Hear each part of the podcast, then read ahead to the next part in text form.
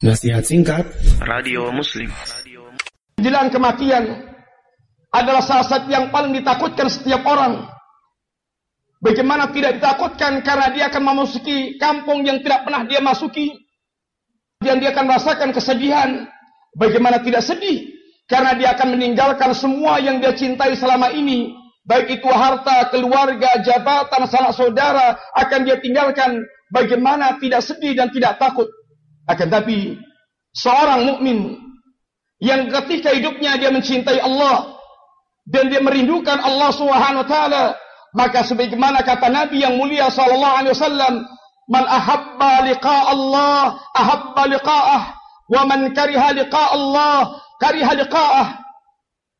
Barang siapa yang waktu hidupnya dia memiliki kecintaan untuk bertemu dengan Allah sehingga dia persiapkan dengan iman dan amal saleh dia, dia selalu harinya penuh dengan kerinduan untuk bertemu dengan Allah SWT.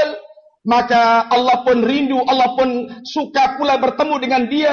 Sehingga kematiannya, kematiannya mengembirakan dan menyenangkan dan ketenangan buat dia. Akan tapi barang siapa yang waktu kehidupannya dia membenci bertemu dengan Allah sehingga selalu dia menjauh dari Allah SWT. Dia bermaksiat kepada Allah SWT.